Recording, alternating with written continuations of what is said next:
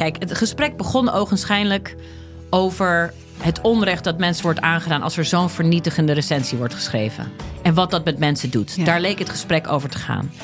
Maar gaandeweg, en dat is dankzij goed redactiewerk van mijn eh, redacteur destijds, blijkt dat die test niet deugt. Via podimo.nl slash gonzo luister je de eerste 30 dagen gratis naar Podimo. podimo.nl slash gonzo. In de podcast Radio Romano met Noortje Veldhuizen Met Marcel van Roosmalen. En met Roelof de Vries.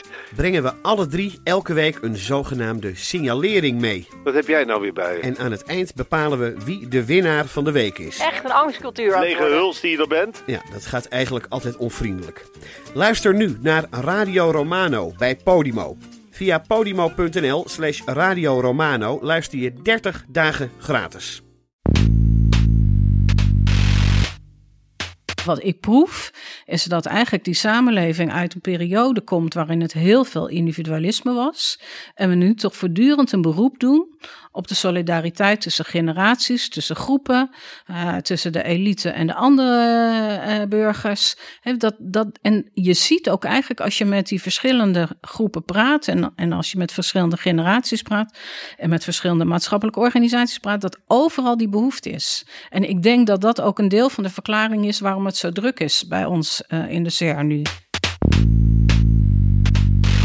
Maar ik denk dat het ook goed is om ook niet alleen bij beleidsmakers, bij ministers, eh, maar ook bij alle grote organisaties elke keer weer op de radar te zetten. hey, kijk eens, het gaat ook heel erg om jongeren en het gaat ook echt om onze toekomst. Eh, dat mogen jullie niet vergeten. Dit is Betrouwbare Bronnen met Jaap Jansen.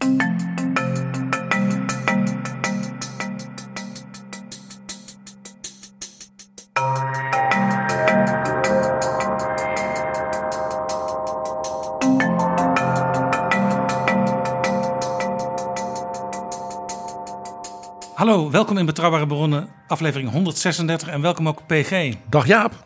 PG, we gaan praten met SER-voorzitter Mariette Hamer, inmiddels een regelmatige gast in de show, voor het eerst in seizoen 3 nu. En ook met Maurice Knijnenburg, voorzitter van het SER Jongerenplatform en van de Nationale Jeugdraad. Welkom in Betrouwbare Bronnen, Mariette Hamer en Maurice Knijnenburg. Hallo. Dit is Betrouwbare Bronnen. Mariette Hamer, afgelopen donderdag vierde u grotendeels online, maar wel in het bijzijn van onder andere koningin Maxima en minister Wouter Koolmees, het 70-jarig bestaan van de Sociaal-Economische Raad, de SER. Gefeliciteerd. Dankjewel. U bent ook voorzitter van de Denktank Coronacrisis. En in die hoedanigheid spraken wij u op 5 juni in Betrouwbare Bronnen. Ja. U richtte zich toen op de herstartfase na 1 september. En u zei, als er een tweede coronagolf komt, dan is het desastreus voor de economie. We zitten inmiddels in die tweede golf. Ja, ik zei als er een tweede lockdown komt, eh, dan is het desastreus. Eh, ik geloof dat ik toen ook zei, heel eh oneerbiedig, dat we in een soort pruttelfase eh, terechtkwamen, waren gekomen, omdat we langzamerhand weer op start waren gekomen. En wij hadden natuurlijk de, ja, de diepe hoop dat we nu ja, toch weer een beetje het normale leven hadden, zouden kunnen oppakken. Eh, wat ik heb gezegd is, als er een tweede lockdown komt, daar zitten we nog niet helemaal. Eh, ehm, Er zijn mensen, bijvoorbeeld Diederik Gommers van de Intensive Care Vereniging, die denken dat een tweede lockdown onvermijdelijk Ja, is. precies. Dus, eh, maar even de, vraag, de eerste vraag van je afmakend. We zitten nog niet helemaal in die tweede lockdown. Wij denken wel dat naarmate zeg maar, er meer gesloten moet worden. En dan heb ik het even over de bedrijven. Over nou ja, de theaters gaat het al waanzinnig moeilijk mee. Ja, dat dat uiteindelijk ertoe zal leiden dat die economische crisis... die we overigens nu ook al aanzien komen... maar veel langer nog en veel dieper zal zijn. En dat is de reden dat ik heb gezegd... ja, desastreus. Het is ook een beetje, was ook een beetje bedoeld als een waarschuwing. Uh, dus in die zin zou ik hem wel vandaag willen herhalen. En echt een oproep willen doen aan iedereen. Hou je nou aan wat er is afgesproken. Hoe vervelend het ook is. Uh, maar hoe erger het wordt, hoe erger het voor ons allemaal uh, wordt. Dus uh, ja, doe het maar gewoon. Toen we spraken was er nog het idee van... als het goed is, dan hebben we weliswaar een crisis. Een diepe crisis, maar dat is een crisis die ook heel snel daarna weer voorbij is. En dan Ja. kunnen we weer door waar we gebleven waren. Ja, dat we vanuit de verwachting dat we natuurlijk zeg maar na de zomer weer up zouden kunnen gaan. Als je nu weer kijkt, dan ga ik het even een beetje technisch maken. CPB heeft een basispad gemaakt, een basisscenario, Planbureau. Centraal Planbureau. Uh, overigens ook dit jaar aan een feestje uh, toe. We hebben van de week met elkaar uitgewisseld. Ja, waar zitten we dan nu? Nou ja, we beginnen wel van dat basisscenario af te raken. We zitten nog niet helemaal uh, aan het, worst, het volgende scenario waar het een, allemaal een stuk slechter uh, wordt. Maar ja, hoe langer de maatregelen duren en hoe dieper ze zullen zijn, ja, hoe meer we daar terecht gaan komen. Ja, dit is interessant, want het Centraal Planbureau heeft dit, naar mijn weten, nog niet openbaar gemaakt. Nee, dus ik zeg dit even ook een beetje voorzichtig, maar ik zeg het ook dan. Dan houden we het onder ons. De luisteraars van Betrouwbare Bronnen zullen het niet Precies, verder vertellen. Nee, dat lijkt me goed.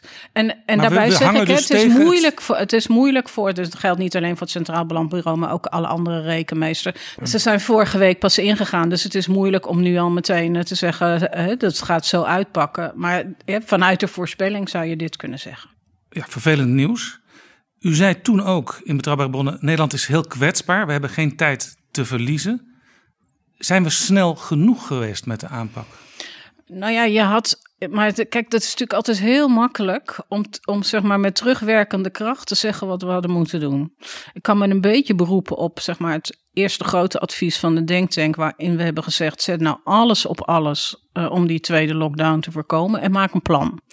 En ik had me kunnen voorstellen dat je die routekaart, die we eigenlijk voor de zomer zijn afgelopen, dat je ook weer een routekaart had gemaakt, hoe je hem als het ware weer terug. Het is niet zo ingewikkeld, wat je het laatste bent, bent, hebt afgebouwd, begin je weer als eerste mee. Daar had ik me kunnen voorstellen dat die routekaart er zou hebben gelegen. Maar goed, dat, ja, nogmaals, het is met terugwerkende kracht altijd makkelijk om te zeggen van wat, wat er had gekund. Eh, We kunnen nu constateren dat, eh, dat het heel snel gaat.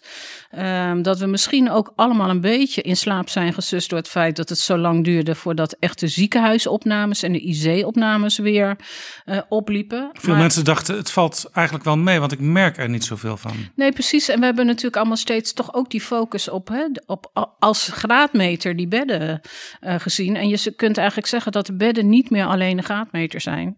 Eh, maar dat het toch steeds belangrijker wordt om naar dat vermenigvuldigingsgetal te krijgen. Want dat het dan opeens heel hard kan oplopen. En dat dat een naal-effect in de gezondheidszorg heeft. Ja, daar worden nu extra maatregelen genomen. U zei het al, die zijn vorige week door het kabinet aangekondigd. U bent van die denktank coronacrisis. Kunt u ons vertellen welke lessen u sinds de oprichting van die denktank geleerd heeft? Nou, dat het sowieso heel erg nuttig is om al die koppen bij elkaar te hebben. Omdat we veel sneller met elkaar weten. hey, ik zie dat, jij ziet dat. Eh, eh, en van daaruit conclusies eh, kunnen trekken. Ehm, ik denk dat we ook geleerd hebben dat deze crisis, dat wisten we eigenlijk in het begin al een beetje, een hele andere is dan de financiële crisis. Maar ook dat die veel sneller en veranderlijker is. En ik denk dat we nog meer leren. Dat zou ik eigenlijk wel vandaag als boodschap ook eh, met jullie willen delen. Eh, dat economie en gezondheidszorg veel onlosmakelijker met elkaar verbonden zijn dan we voor die tijd dachten. Dus aan het begin van corona werd er gezegd, nou dan maken we ook een groepje met economen eh, en andere deskundigen. Dat, nou ja, en toen was iedereen blij dat de denktank er al was, hoefde dat groepje niet meer opnieuw opgezet te worden. Maar je ziet eigenlijk dat ja, het, dat zeg maar wat het effect is eh, op de economie werkt weer door, ook in de gezondheidszorg. Hè, dus als we met z'n allen minder geld verdienen, hebben we in de long run minder geld voor de gezondheidszorg. Eh, we zien dat de effecten bijvoorbeeld op de werkgelegenheid, of mensen het nog wel willen doen in die gezondheidszorg, effect heeft. Dus het loopt allemaal veel meer door elkaar. Daarmee pleit ik niet om zeg maar OMT en Denktank samen te voegen hoor, geen zins. Eh, maar wel dat we steeds vanuit die verschillende optieken naar de problematiek blijven kijken. Leert de denktank ook van onze buurlanden. Want bijvoorbeeld Noord-Rijnland-Westfalen, even groot als Nederland, zelfde omvang, zelfde soort welvaart, precies zelf hetzelfde soort mensen een beetje, doet het veel beter dan Nederland. Ja, maar er zijn natuurlijk. eh, nou, ten eerste heeft de Denktank een werkgroep internationaal. die eh, eh, naar alle aspecten ook in de rest van de wereld en vooral ook Europa kijkt. Ja, en als we nu Nederland vergelijken. Ik heb zelf een hele goede vriendin van Italiaanse afkomst. Dus dat wel leuk vinden als ik haar nu noem. Ja, en die was in het begin eigenlijk best wel een beetje verontwaardigd soms over hoe er in Italië werd gesproken. En nu zegt ze: kijk eens even hoe wij het doen. Ehm, Nou, die hebben het echt heel dapper. Die hebben het en dapper die moest als eerste het Ja, proberen. Ja, precies. Dus, dus in die zin, ja, daarom zeg ik de onvoorspelbaarheid van het virus en wat je dan doet en wat je op elk moment goed vindt, is wel lastig. Dus die internationale lessen die worden ook uitgewisseld met Precies, elkaar. ja, zeker. En je moet, daar- je moet elke dag daarvan blijven leren, volgens mij. En u zegt eigenlijk, ehm, die denktank, het is goed dat die erbij betrokken wordt. Ik hoor minister-president Rutte ook regelmatig die denktank noemen. U zegt, we hoeven niet samengevoegd te worden met het OMT. Het is natuurlijk wel zo dat er zijn steeds meer groepen die eh, meepraten. Hè? Je hebt ook het Red Team tegenwoordig, die weer een Ja. alternatief naast dat OMT zet. Ja. Maar als er steeds meer meegesproken wordt, wordt het dan op een gegeven moment niet een Poolse landdag? Nee, dat, dat vind ik ook een verantwoordelijkheid van onszelf. U heeft een poosje niets van ons gehoord, want er was eigenlijk niet zoveel reden eh, toe. De advies was, wat er lag, was heel helder en daar, kon je een aantal maanden mee vooruit. Ehm, dus ik vind dat wij in die zin ook goed moeten opletten. We hebben allemaal ook ons eigen werk. De Sociaal-Economische Raad is druk bezig met zijn middellange termijn advies. Sociale partners eh, hebben de hele tijd aan tafel gezeten als het gaat om de regelingen. Dus wij laten eh, zeg maar van ons horen als we denken dat het nodig is. Eh, maar we willen wel die drukte voorkomen. We zijn er om te helpen, niet om eh, de boel lastig te maken. Heel interessant vond ik net dat u zei: de zorg en de economie hangt samen. Volgens een schatting van, van uw CER zijn er in 2040 ongeveer 2 miljoen zorgmedewerkers nodig. Op dit moment werken er 1,4 miljoen mensen in de zorg. Ik hoorde u net zeggen: als het met de economie slecht gaat, dan wordt het ook lastiger om al die zorgmedewerkers te kunnen Ja, betalen. ja, precies. Nou, je ziet dus dat zeg maar, zorgmedewerkers op het ogenblik kritischer zijn eh, op allerlei dingen over hun werkomstandigheden, eh, eh, over de, de betaling, et cetera. En dat is ook logisch, want we hebben ongelooflijk veel van hun geëist. Eh, en daarmee, en dat zie je ook in de politiek gebeuren, komt er een heel ingewikkeld debat. Gaan we ze voortrekken of niet? Gaan we ze ten opzichte van leraren meer of minder geven? Dus dat speelt allemaal mee. Er zijn anderzijds natuurlijk ook wel dingen waar we iets aan kunnen doen. En er komen in andere sectoren veel mensen vrij, om het zo maar te zeggen. Om het naar te zeggen, die, worden, weg, die verliezen hun baan. Uh, en we zijn dus heel hard bezig uh, met sociale partners, UWV, de gemeente, et cetera. Uh, om te kijken hoe kunnen we die mensen naar sectoren laten stromen waar wel werkgelegenheid is. En de zorg staat daar natuurlijk met een dikke stip op nummer één. Dus we staan nu eigenlijk aan de vooravond, het is eigenlijk al begonnen, van een enorme omscholingsoperatie. Ja, ja, ik denk dat uh, toen ik hier kwam, ben ik volgens mij uh, heel snel begonnen met de uitspraak: je leven lang leren is net zo belangrijk uh, als eten en drinken. Nou, later hebben we daar je, je leven lang ontwikkelen van gemaakt, omdat mensen soms wat aanhikken tegen dat leren. Ik denk achteraf dat is een profetische uitspraak geweest. Want als je nu kijkt, is het echt harde noodzaak dat mensen zich laten omscholen. Uh, en is het eigenlijk jammer dat er nog net iets meer vaart is gemaakt uh, met het opzetten van die infrastructuur. Want anders zouden we uh, zeg maar dat nu makkelijker kunnen gebruiken. Aan de andere kant, ik ben erg van maak van de nood een deugd. dit geeft ook een extra impuls om dat nu versneld te doen. Ik las vorige week de nieuwste cijfers van het platform voor talent voor technologie. En die hebben dus onderzoek gedaan in een aantal regio's in zeg maar, tekortsectoren. High-tech, dat soort dingen, ook de zorg. En die zeggen, corona of geen corona, het tekort aan bijvoorbeeld jong talent in de technologie. Dat blijft. Dat gaat gewoon door ja. met groeien zelfs. Dus de afgestudeerden daar, uh, die kunnen nog makkelijker aan de baan komen dan ze al konden. En ja. ondanks corona. Want ze zeiden, ja. die tech-tech sector die heeft ook door corona natuurlijk een enorme hoeveelheid nieuwe uitdagingen erbij gekregen. Ja. Nou ja, corona, dat zeg ik steeds. Hè. Corona legt een vergrootglas uh, op de problemen die we al hadden. Ik hoor dat ze overigens dat begrip vergrootglas uh, links en rechts om me heen overgenomen worden. En u doelt dan bijvoorbeeld op de, nou, de kloof dat... tussen vaste banen, flex, ook, maar bijvoorbeeld we hadden, kansengelijkheid we hadden al een tekort uh, aan mensen in bepaalde sectoren. En dat tekort is eigenlijk nu alleen maar groter geworden. Hetzelfde voor de te techniek geldt voor de zorg of het onderwijs.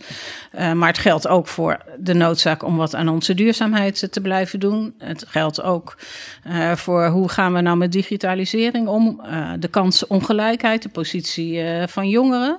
En dat zagen we allemaal al, stond allemaal al op die agenda. En corona maakt eigenlijk de urgentie van die agenda alleen maar groter. Dat is zoals wij, uh, wij dat eigenlijk uh, zowel binnen de SER als binnen de Denktank zien. En het interessante als je als, als historicus kijkt naar crisis, dan is het heel vaak zo dat crisis de neiging hadden zeg maar, eerder problemen wat weg te drukken, tegen de wand te drukken, te relativeren. Die lossen zichzelf dan wel op. En je ziet nu, nou, u zei het net al, het is echt iets anders dan de financieel, financiële economische, de euro- en kredietcrisis. Deze heeft dus die vergrootglaswerking, die dus andere crisis vaak niet hebben. Ja, precies. En het vraagt dus ook, en dat debat zullen we de komende maanden met elkaar moeten voeren in aanloop ook naar een formatie. Dat vraagt dus ook dat er zeg maar van een volgend kabinet andere dingen worden gevraagd uh, dan dat we in het verleden gewend waren. Ja. Dat hebben we eigenlijk al een beetje in dat eerste advies van de Denktank gezegd. En normaal is de uh, logische lijn van we geven nu extra geld uit, dan gaan we snel weer terugverdienen.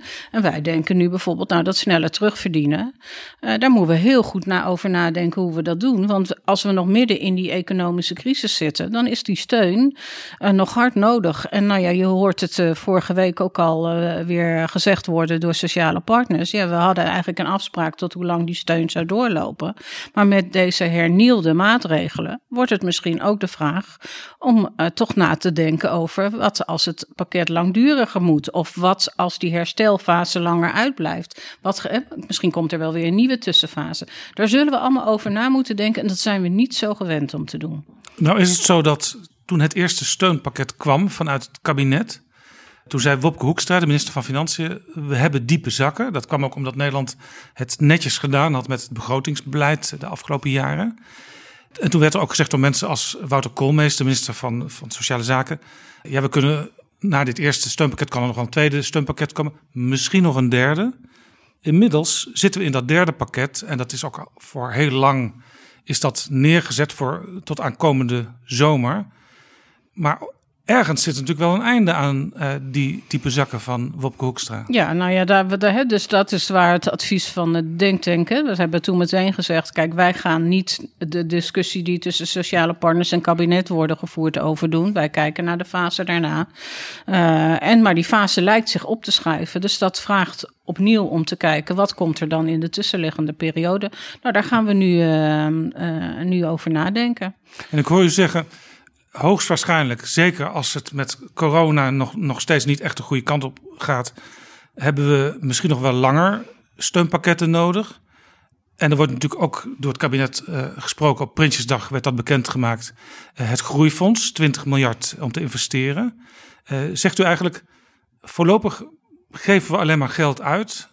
En dat terugverdienen, ja, dat, dat, dat komt wel, maar wel later dan we eerst dachten. Nou, dat vind ik nog een beetje te vroeg om, uh, om te zeggen. Omdat wij zeg maar ook eigenlijk, zeg maar, je, je, rijdt heen en je rijdt terug, zal ik maar zeggen. En ergens kruis je elkaar. Uh, en waar precies het kruispunt zit, dat weten we nog niet precies. Wat we wel weten is dat we twee dingen moeten doen. En dat hebben we ook in onze eerdere adviezen steeds aangegeven. Steun zolang het moeilijk is. En aan de andere kant, begin vast met dat investeringspakket, wat je al van plan was. Nou, ik ben ook blij. En je kunt discussiëren over de vorm of wat dan ook. Maar ik ben in ieder geval blij dat dat investeringspakket er ligt. Dat is ook hard noodzakelijk voor de digitalisering, voor dat leven lang ontwikkelen, voor de duurzaamheid. Allemaal onderwerpen die daarin zitten.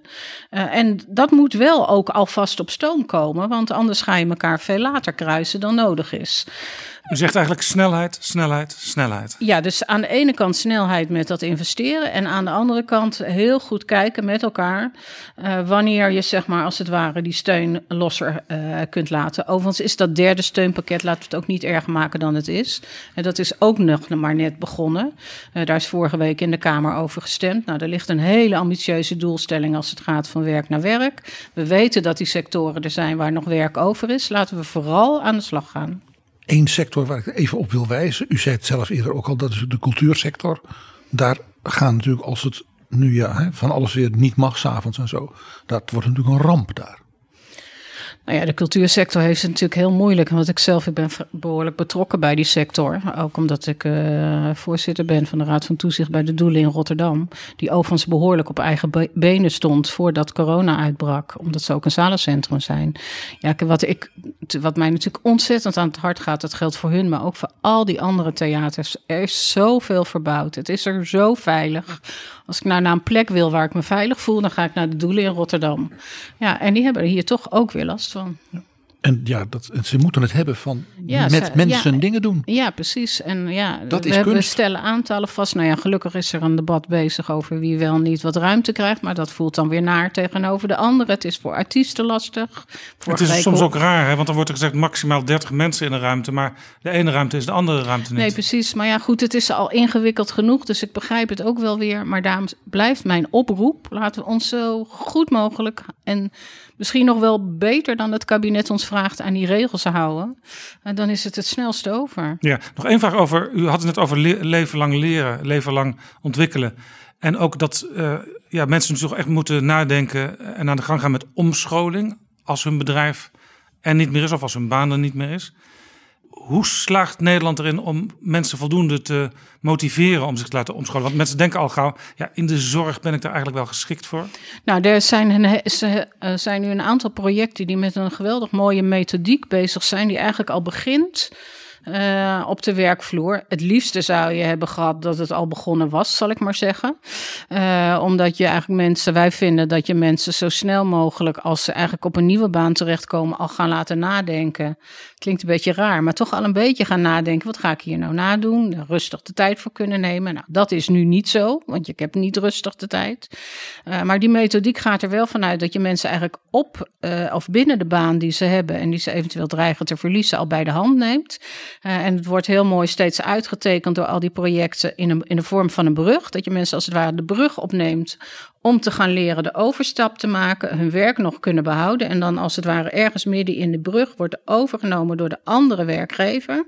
Daar vervolgens met die scholing nog doorgegaan kan worden. En als het ware in het nieuwe beroep wordt begeleid. Maar in januari wisten we dit allemaal nog niet. Nou, we waren al wel bezig met het ontwikkelen van deze methodiek, omdat je die eigenlijk structureel nodig hebt. Alleen de druk om nu die brug op te gaan lopen, ja, die is voor mensen veel groter. Ja. En dat zal ze misschien ook extra motiveren om het te doen. Dit is Betrouwbare Bronnen, een podcast met betrouwbare bronnen. U heeft tijdens uw SER-voorzitterschap het jongerenplatform opgericht. Nou, treft het, want de voorzitter van het jongerenplatform zit hier ook aan tafel, Maurice Kleinenburg. Kort even aan u de vraag, mevrouw Hamer, hoe gaat het met het jongerenplatform? En nou, het gaat uh, waanzinnig goed met het jongerenplatform. Want we hebben niet alleen een jongerenplatform, maar we hebben inmiddels ook een uh, jongeren denktank. Net zoals we dat bij de SER uh, hebben gedaan. En de jongeren denktank coronacrisis heeft weer samenwerking gezocht met bijvoorbeeld Coalitie I, et cetera. We hebben inmiddels vanuit de SER gefaciliteerd een, een op-app, zoals die heet. Waarin allerlei op-app. Dus dat is een app die je op kunt. Uh, en uh, dan vervolgens uh, je ideeën kunt meegeven over waar, hoe jij denkt dat corona opgelost kan worden. Het SER Jongerenplatform loopt de deur volgens mij plat in de Tweede Kamer en bij alle ministers. Maar vooral ook, dat vind ik toch ook wel belangrijk, bij allerlei andere jongeren. Want het moet niet een naar binnen gerichte, maar naar Laten we Maurice Kleinenburg meteen maar even aan het woord laten. Ja. Hij zit hier nou toch. Ja. Hoe gaat het? Het is druk, dat zeker. Het zijn uh, bijzondere tijden. Toen ik uh, een jaar geleden bij de Nationale Jeugdraad begon, had ik me niet voor mogelijk gehouden dat we in deze gekke situatie met elkaar zouden komen.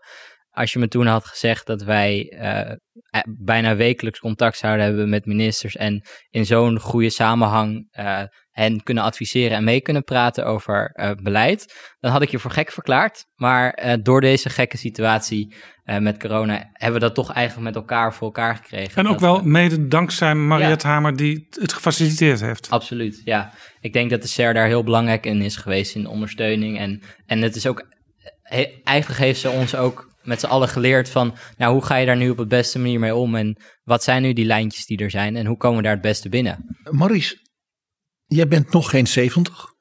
Nee, dat klopt. Uh, jij bent van de generatie van, ja, ik zal maar zeggen, de, de iPhone games, social media. Wat moet je dan bij zo'n polderclub met allemaal van die kroonleden en van die bobo's? Nou, dat valt best wel mee hoor. Het lijkt altijd aan de buitenkant inderdaad alsof het een, misschien een stoppige wereld is, maar er gebeurt heel veel. En al die grote dingen inderdaad die je net opnoemt, technologie, wat we in ons dagelijks leven doen, het feit dat we als jongeren een bijbaantje hebben, waardoor we genoeg kunnen verdienen om wat leuks te gaan doen of een spelletje te kopen of een nieuwe telefoon te kopen.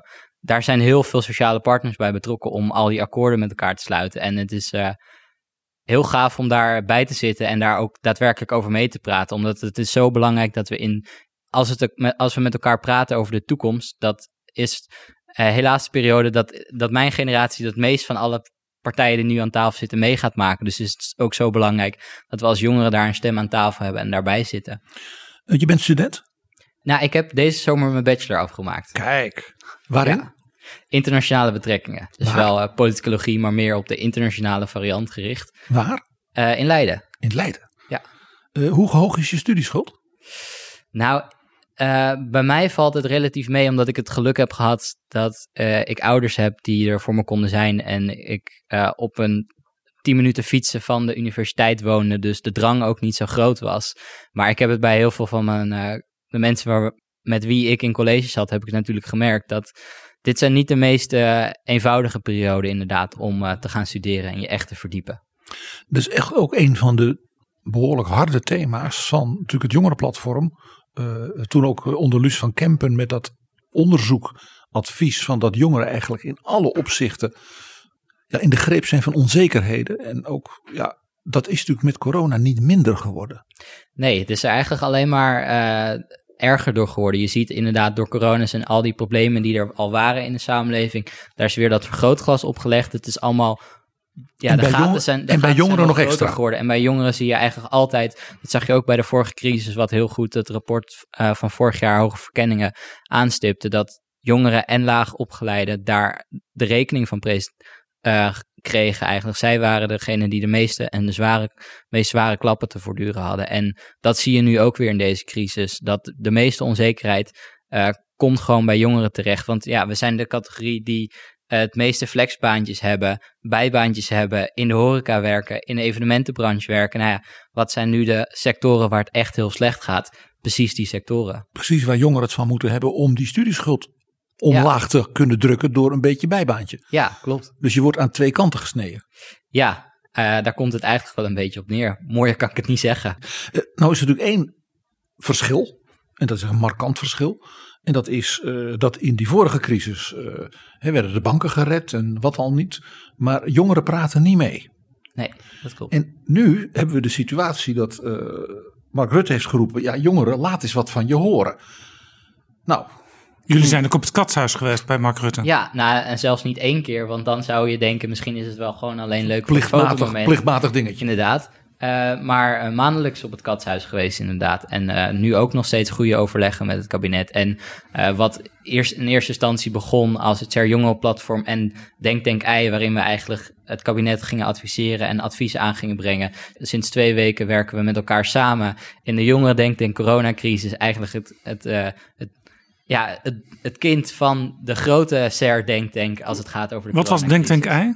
Denk Denk Ei was onderdeel van uh, Coalitie Ei, dus het platform uit heel veel jonge organisaties waar we vooral heel erg op de politiek gericht uh, onze belangen aan het verdedigen waren. En, en er is een appgroep gekomen. Ja, er is een app, inderdaad. Dat is wel heel, heel eigentijds. Een Ja, op-app-groep, zegt Mariette zelfs. Ja, Mariette een, eh, een, een hele moderne op-app, inderdaad, waar we eh, eigenlijk een hele nieuwe manier van onderzoek doen. Juist omdat het niet alleen vragen stellen is, maar met elkaar in gesprek gaan over al die thema's die jongeren nu het meeste raken als het gaat over corona. Maar hoe, hoe, hoe zit dat in elkaar? Die op-app-groep? Nou, de op-app is inderdaad een app die je gewoon kan downloaden. Iedereen Voor- kan dat doen?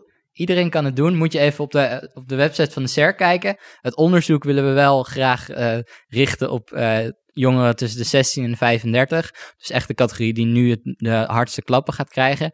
Maar PG, ik ga je absoluut niet tegenhouden om absoluut ook te downloaden. Om te kijken of jij nog briljante ideeën hebt. Historische vergelijkingen. Ja, daarom. Ik denk ook dat we altijd moeten leren van wat er in het verleden gedaan is. Eh, dat zie je nu ook over allerlei grote problemen inderdaad. Over als het gaat over jeugdwerkloosheid of wat dan ook. Eh, waar we nu ook weer teruggaan naar de basis inderdaad. Het gaat heel slecht.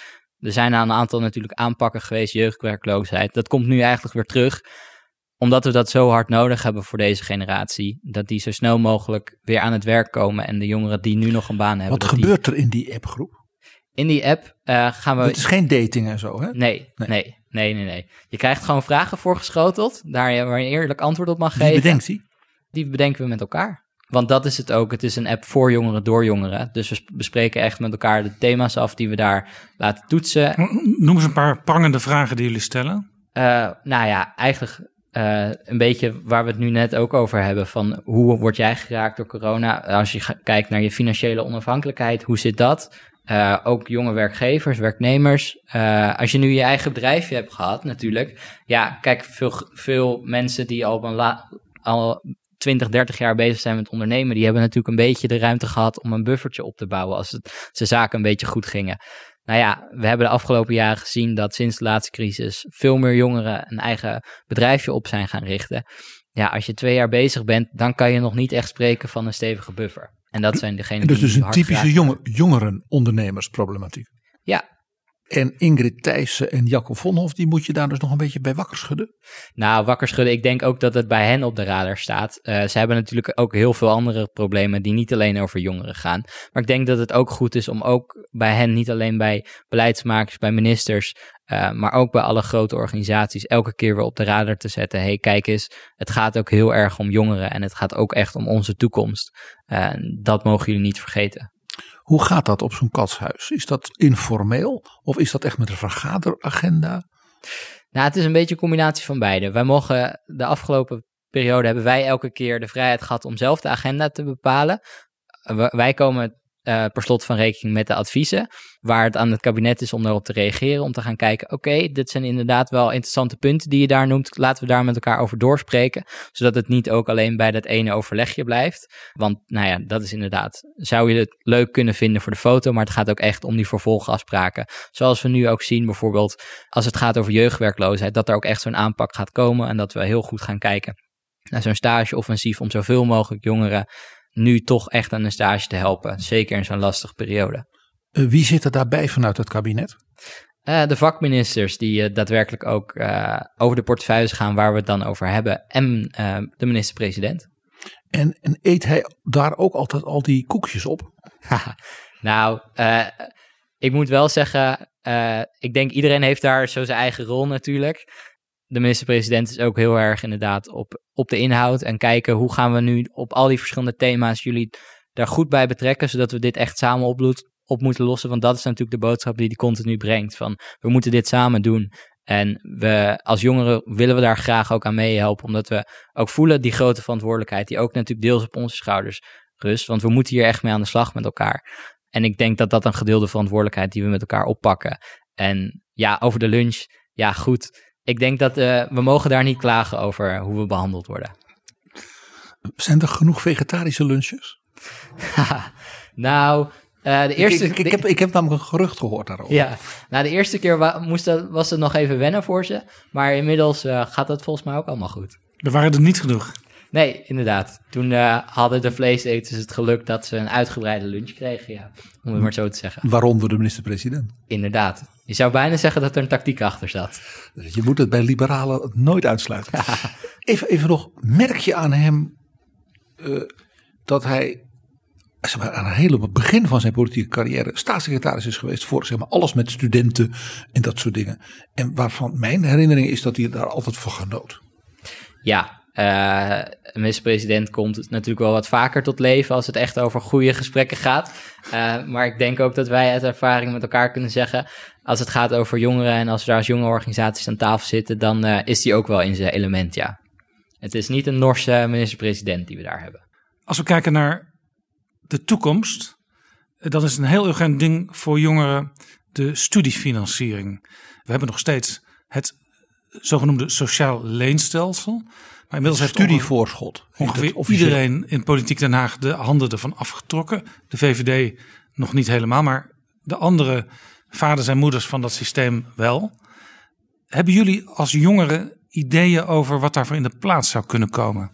Ja, nou ik denk dat je, uh, het is een terecht punt wat u meldt, uh, dat we er is de afgelopen jaren is er natuurlijk heel veel veranderd in het politiek landschap. Waar in eerste instantie op zich een redelijk ruime meerderheid was voor de invoering natuurlijk. Zijn we nu, nu we vijf, zes jaar verder zijn, uh, is er heel weinig steun meer voor over, om het maar even zo te zeggen. Hoe komt dat?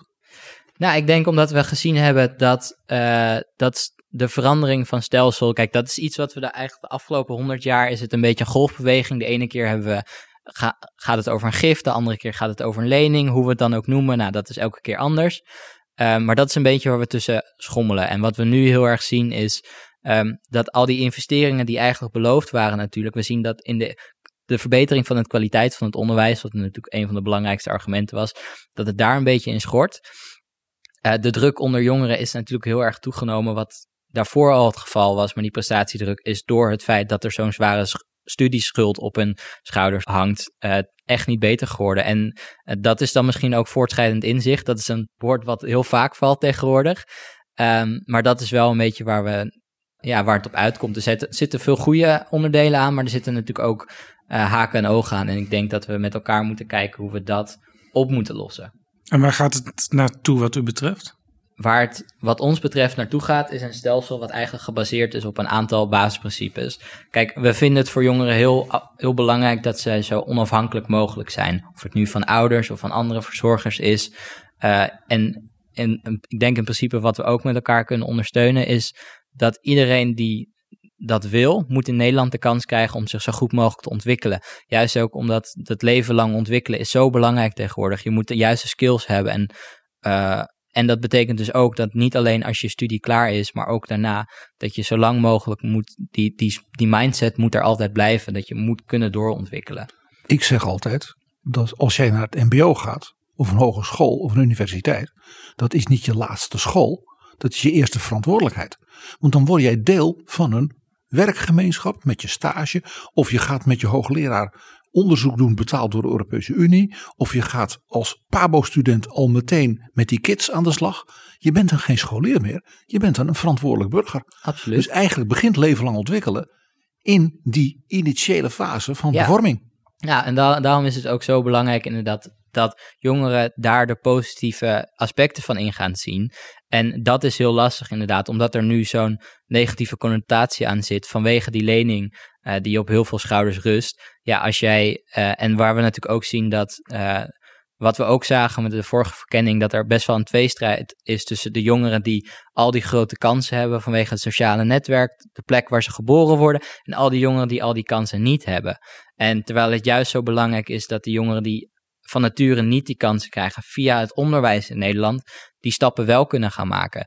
Uh, maar dit is ook juist de categorie die vaak gedwongen wordt om meer, veel meer te lenen dan jongeren die wel wat meer van huis uit meekrijgen. En dat terwijl we ook door de demografie en door de enorme welvaart we die jongeren enorm nodig hebben. Absoluut. Ook ja. die jongeren die misschien dan van huis uit, misschien niet uit een academisch milieu of zo komen. We hebben ze verschrikkelijk nodig. De ja, tekorten in de zorg, de tekorten in de technologie, de tekorten overal.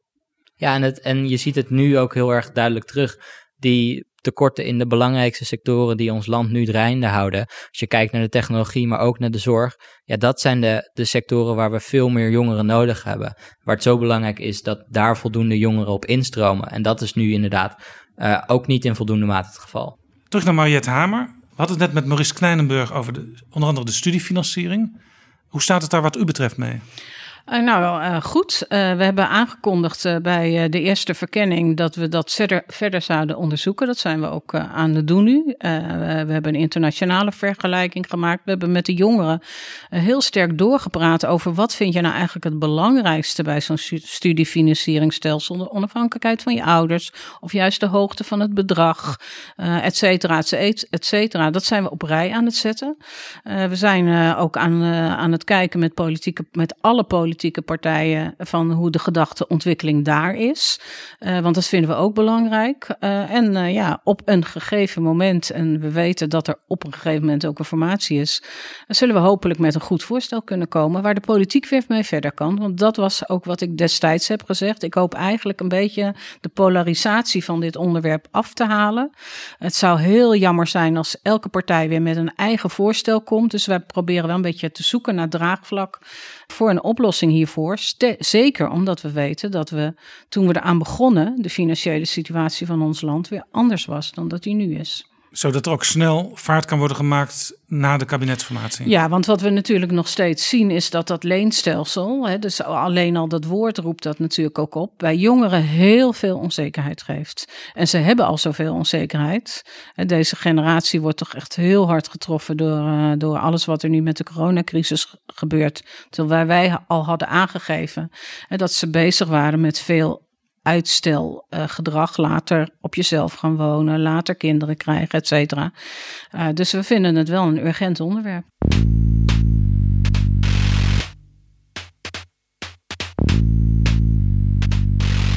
De SER bestaat 70 jaar. Er is wel eens gedacht de afgelopen jaren haalt de SER die 70ste verjaardag wel. Hoe heeft u de patiënt weer tot leven gewekt? Nou, sterker nog, ik weet wel dat uh, toen ik kwam, uh, overigens uh, met best leuke pers. maar er werd ook wel eens een enkele keer geschreven: ja, wat gaat ze nou doen? Gaat ze de deuren sluiten? of gaat ze de ramen openzetten? Ik hoop zelf dat iedereen van vorige week de conclusie heeft getrokken dat we de ramen open hebben gezet. Dat heb ik natuurlijk nooit alleen gedaan, maar met sociale partners, met het secretariaat van de SER, met de jongeren, met iedereen die daarbij betrokken was. en ja, je kunt wel zeggen dat we de afgelopen zes jaar eigenlijk steeds weer meer adviezen zijn gaan geven. Dat is onze kerntaak. Maar ook heel veel andere dingen zijn uh, gaan doen. Uh, we maken convenanten voor internationaal maatschappelijk verantwoord ondernemen. We hebben het preventieakkoord uh, gefaciliteerd. we hebben een leven lang ontwikkelteam het land in laten gaan en aangejaagd, zeg ik maar. We zijn bezig met het opzetten van een infrastructuur om vrouwen en mensen met een andere culturele achtergrond naar de top te krijgen. Dus we doen eigenlijk ook steeds uh, meer. En het derde wat we zijn gaan doen is we zijn veel meer partijen dan alleen sociale partners op onderwerpen erbij gaan uh, betrekken. die sociale partners blijven natuurlijk voor ons uh, echt de kern, maar we bij onderwerpen betrekken we steeds meer andere partijen.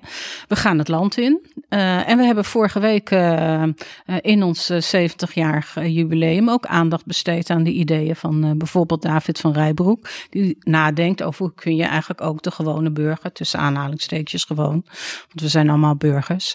maar hoe kun je die bij die ideeën betrekken? Dus ik denk wel dat, ja, dat, dat er erg veel leven op dit dus moment het wordt is. eigenlijk steeds breder, want u begon natuurlijk als SER met de sociale partners en kroonleden. Toen kwamen de jongeren erbij, nog andere groepen.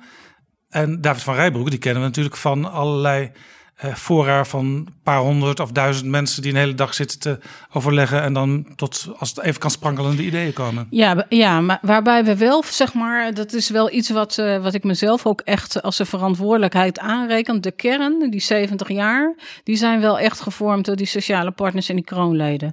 Dus die staan voor mij wel hoog in ere, zal ik maar uh, zeggen. En dat maakt ook het, SER bijzonder. Bij ons creëer je draagvlak. En dat is omdat die partijen er zijn. Alleen je ziet dat de samenleving is complexer. Mensen willen betrokken worden, veel meer dan vroeger. We hebben ook middelen, sociale media, om mensen erbij uh, te betrekken. Dus ook ten dienste van zeg maar, de adviezen die sociale partners maken, is het goed om al die groepen erbij te betrekken. Zo'n zo appgroep van de jongeren, toen u aantrad, uh, vijf, zes jaar geleden, had u waarschijnlijk niet gedroomd dat er ooit zou komen. Nee, daar heb ik inderdaad denk ik niet bij stilgestaan. Ik heb wel eigenlijk, uh, want dat begon, dat idee voor dat jongerenplatform begon eerlijk gezegd al op mijn afscheid in de Tweede Kamer. Omdat ik toen zo verrast was dat, uh, dat jongeren het zo leuk vonden dat uh, met name de jongeren van de LSVB dat een oud-voorzitter naar de SER ging. en vervolgens had ik hier een gesprek met een van de FNV-jongeren, zal ik maar zeggen. Die vertelde dat zijn medespeech was geweest bij zijn afscheid. En die twee dingen hebben wel vrij in het begin gemaakt dat ik dacht, nou, dan moeten we anders gaan doen. En uh, dat zijn we ook anders gaan doen. De core business blijft uh, het overleg uh, met de sociale partners. Hans de Boer, die onlangs afscheid heeft genomen als voorzitter van VNO-NCW, die had toen hij aantrad zijn twijfels over de SER. Toen gaf hij een aantal eerste interviews waarin hij dat zei. Onlangs heeft hij een aantal afscheidsinterviews gegeven en nu zegt hij, ik ben fan geworden. Ja, nou dat is uh, superleuk uh, om uh, te horen. Dat heeft hij bij zijn afscheid overigens ook uitgebreid verteld. En, en, ook waarom. Hans hikte erg tegen de punten en de comma's aan. Overigens moet ik daar zelf altijd wel om lachen, want Ook de werkgeversgeleding doet natuurlijk net zo goed mee aan het verplaatsen van comma's. Die overigens, weet ik als taalkundige, erg belangrijk En alles zijn. kan natuurlijk juridische waar je de hebben. neerzet, zal ik maar zeggen. Eh, maar ja, dat beeld was wel een beetje een ouderwets beeld wat hij, eh, denk ik, eh, nog had. En ik ben hem overigens zelf dankbaar, en dat ben ik ook Ton Heerts en Han Busker, dat zij met mij mee het avontuur zijn aangegaan om de SER te verlevendigen, te vernieuwen en ja, in te richten voor eh, de huidige tijd. De SER is natuurlijk ook van de akkoorden. Dat begon al bij het eh, tweede kabinet Rutte, het, grote sociaal akkoord. Dit kabinet, Rutte 3, heeft onder andere met uw hulp het pensioenakkoord kunnen sluiten. Eh, daar is nu een enorme discussie over de overgangsperiode. Minister Wouter Koolmees heeft in een brief aan de Tweede Kamer laten weten dat hij heel erg zijn best wil gaan doen. Dat er niet gekort hoeft te worden op de pensioenen de komende vijf jaar in de overgangsperiode. Is dat een verstandig besluit? Nou, volgens mij is, eh, heeft Wouter Koolmees vrij recentelijk gezegd dat, eh, dat, dat hij ook de ontwikkelingen wil volgen. Misschien toch nog wel even goed over. Je zegt de serres van de akkoorden aan de ene kant wel. Maar we hebben natuurlijk een zusterorganisatie, zoals ik dat graag zou willen noemen. En dat is de Stichting van de Arbeid. En traditioneel is er eh, het onderscheid tussen de SER en de stichting. Dat de, stichting maakt eigenlijk de akkoorden, die onderhandelen met het kabinet en wij adviseren. Dat is ook een goede taakverdeling, ook voor mij persoonlijk als voorzitter. Ik moet proberen de boel te verbinden en moet dus niet zelf gaan zitten onderhandelen. Bij het pensioenakkoord is iets bijzonders gebeurd. Wij waren bezig met een advies en toen kwamen er andere onderwerpen bij vanuit de Stichting van de Arbeid. Denk aan de discussie over de AOW. En toen zijn we dat eigenlijk, hebben we dat pad hebben we ingevlochten in elkaar. Dus als adviseur zat ik bij die onderhandelingen. Daardoor had ik ook een wat andere rol dan de anderen. Want ja, ik had mijn advies eigenlijk al klaar, dus dat wilde ik inbrengen. En heb denk ik daardoor meer dan eh, gebruikelijk een positie kunnen innemen om nou ja, ook nog eens aan elkaar uit te leggen hoe zit de ander er nou in. En eens tegen de een te zeggen, joh, als je nou dat doet, dan is dat voor die net iets makkelijker, et cetera. Maar dat, de, de traditionele onderscheid is eigenlijk, de stichting maakt de akkoorden en wij geven voorafgaand of na afloop verdere adviezen daarover. Dat is interessant, want toen het akkoord er was, toen zijn er reconstructies verschenen. En daar bleek uit dat Hans de Boer en Han Busker ook wel eens heel bewust buiten de SER om hebben vergaderd. Wist u dat? Begrijpt ja, u dat? nou, ze hebben ook heel regelmatig, heb ik begrepen, ontzettende lekkere biefstukjes met elkaar gegeten. En dat is ook heel goed. Uh, dat moeten zij ook doen, want zij moeten uiteindelijk het eens met elkaar uh, worden. De kroonleden, want ik ben natuurlijk zelf ook van de, de, de geleding van de kroonleden, zeggen natuurlijk wel regelmatig, ja, wij weten ook van sommige dingen wat af. Misschien vind het leuk om naar ons te luisteren. Meestal vinden ze dat erg leuk om de kennis die wij hebben te delen. En nou ja, wat ik net al aangaf, doordat dat advies en die onderhandeling gelijk liep, eh, kreeg ik zelf ook een ja, be beetje mediatorachtige rol. Nou maak ik het wel heel zwaar, maar, uh, maar toch een beetje andere rol. En nou, dat is in dit geval goed uitgepakt. Soms zie je ook dat wij nog weer een andere rol pakken. Kijk naar het klimaatakkoord. Daar onderhandelen wij ook niet mee, maar geven we ook tussendoor adviezen over de dingen die er speelden. Denk aan bijvoorbeeld wat we net hebben gedaan rondom biomassa. Uh, en mijn mensen ondersteunen uh, heel erg de processen die daar georganiseerd worden. Dus wij hebben wat dat betreft andere, ja, andere rollen weer dan die Stichting van de Arbeid. Hans, en dat is ook maar goed. Hans de Boer is op Prinsjesdag opgevolgd door Ingrid Thijssen. En de FNV krijgt in het voorjaar ook een nieuwe voorzitter. Een kandidaat daarvoor is Kitty Jong, maar er zijn ook nog wel andere kandidaten. Ja. zou dus kunnen dat er straks drie vrouwen aan de top van de polder staan. Nou, dan hebben we ons advies in ieder geval heel erg goed uh, opgevolgd. Wat ja, betekent dat pleit, voor... Wij hebben gepleit voor meer vrouwen aan de top. Wat zal dus, het in de praktijk betekenen als dat zo is? Nou, uh, ik denk in die zin niet zo heel veel anders. Kijk, elke dynamiek van een gezelschap van drie, of het twee mannen en één vrouw zijn, of dat het twee vrouwen, wat nu is, uh, en een man zijn, elke dynamiek uh, heeft zijn eigen, ja, zijn eigen manier van cultuur ontwikkelen. Tussen Ton en Hans de Boer was anders dan tussen Han Busker en, en, en, Hans de Boer. nou, volgens mij ben ik een heel ja, consistent persoon in mijn optreden, zal ik maar zeggen. Dus dat blijft dan een beetje hetzelfde. En voor de rest denk ik, ja, we gaan het ook met drie vrouwen supergoed doen. Betrouwbare Bronnen had onlangs Joost Korte te gast. Hij is directeur-generaal Sociale Zaken van de Europese Commissie. Hij zei Nederland zou eigenlijk veel assertiever de Nederlandse verworvenheden op sociaal terrein, en hij noemde daar ook de pensioenen bij, moeten uitventen in Europa. Want heel veel landen kunnen van het Nederlandse systeem leren. Ja, dat doen we overigens ook. De SER is lid van eh, een organisatie met Europese serren, die overigens eigenlijk allemaal Stichting van de Arbeid zijn, zoals wij het hebben ingericht. Dus weinig andere organisaties uh, die die kroonleden uh, hebben. en wij dragen dat uit, ook uit. We helpen ook andere landen om bijvoorbeeld zo'n SER op te zetten. We zijn bijvoorbeeld een periode lang druk geweest in Argentinië om daar te helpen. Argentinië? Dat... Ja, ja.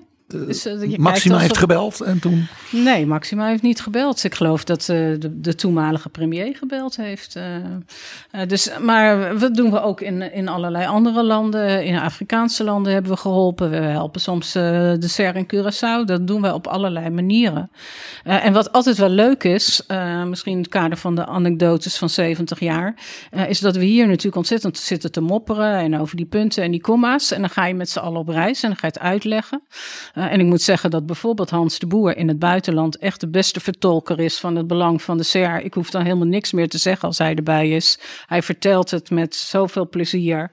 Uh, dat hij zelfs ook later zegt: Goh, ik wist eigenlijk niet dat ik het zo leuk vond. Dus uh, ja, dat is helemaal prima. Zo moet het ook. Een van de leden van de CER is ook de Nederlandse Bank. We hadden onlangs Olaf Slijpen te gast, directielid. Hij en ook Klaas Knot heeft er in zijn schoolleden voor gepleit. Ze vinden allebei dat het minimumloon in Nederland omhoog moet. Is dat een goed plan? Nou, wij zijn daarover in gesprek, zij ze diplomatiek. Uh, we zijn bezig met een, uh, een advies over werkende armen. Uh, en daar ligt dat onderwerp wel op tafel. Tot slot, we hadden het over de geschiedenis van de SER, 70 jaar SER. In die geschiedenis was een van de crisismomenten begin jaren 80. Toen is het akkoord van Wassenaar gekomen. U heeft een aantal dingen op tafel gelegd, leven lang ontwikkelen. U sprak over studiefinanciering, over andere zaken. Wordt het misschien nu ook tijd, nu we weer in een crisis zitten waar we straks versneld uit willen komen, om een alomvattend plan neer te leggen. Ja, nou is het grappig, hè? Uh, want ik hoor, hè, ik hoor al jaren over dat akkoord van Wassenaar en uh, zo, zo uh, ik heb dat natuurlijk zelf in die tijd uh, ook wel ge gevolgd. Maar ik ben toch dat eens nog weer eens terug gaan halen. En het is eigenlijk maar één na viertje. Dus het was in een andere tijd en het was eigenlijk een oplossing voor een acuut probleem wat er toen was. Ik denk dat we nu in een andere fase zitten. Ik denk niet dat we in één A4'tje, hoe graag we dat ook zouden willen, uh, op kunnen schrijven wat er nodig is. Ik denk ook niet dat er één oplossing is om uit deze uh, economische en gezondheidscrisis te komen. Maar ik denk het wel dat het eigenlijk net als uh, toen. En misschien nog wel, mag ik nog wel een stapje verder teruggaan. Denk ik even aan de Tweede Wereldoorlog en wat eigenlijk bij de oprichting ook uh, speelde. Is dat er ongelooflijk veel behoefte was uh, aan het samengaan en de samenspraak tussen maatschappelijke organisaties en de politiek. En van daaruit zijn al die initiatieven genomen. En wat ik proef, is dat eigenlijk die samenleving uit een periode komt waarin het heel veel individualisme was. En nu toch voortdurend een beroep doen op de solidariteit tussen generaties, tussen groepen, uh, tussen de elite en de andere uh, burgers. Dat, dat, en je ziet ook eigenlijk als je met die verschillende groepen praat en, en als je met verschillende generaties praat en met verschillende maatschappelijke organisaties praat, dat overal die behoefte is. En ik denk dat dat ook een deel van de verklaring is waarom het zo druk is bij ons uh, in de CR nu.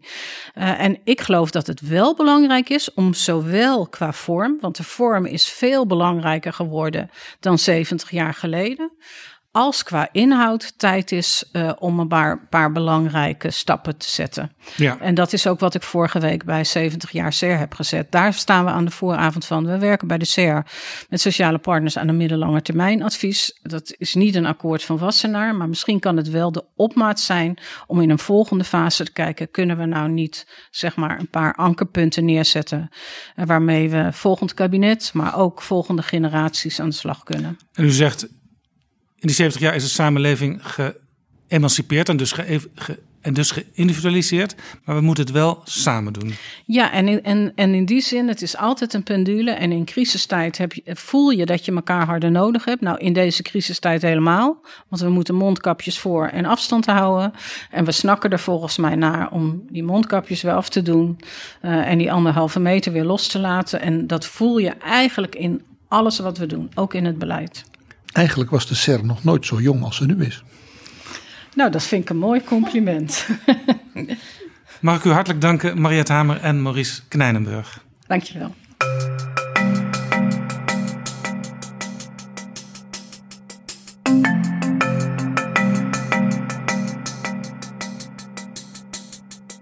Zo, dit was Betrouwbare Bronnen, aflevering 136. Deze aflevering is mede mogelijk gemaakt door E.ON, de toonaangevende adviseur op het gebied van risico, pensioen en gezondheidsoplossingen. En ook door We Nederland. En natuurlijk door donaties van luisteraars via de site vriendvandeshow.nl/slash bb. En als je het nog niet gedaan hebt, stem nog even op betrouwbare bronnen bij de Dutch Podcast Awards in de categorie Nieuws en Politiek. Alle informatie en een link om je stem uit te brengen vind je op de site vriendvandeshow.nl/slash bb. Ga maar snel daar naartoe, dan heb je het maar gedaan. Tot volgende keer. Betrouwbare bronnen wordt gemaakt door Jaap Jansen in samenwerking met dag en nacht.nl.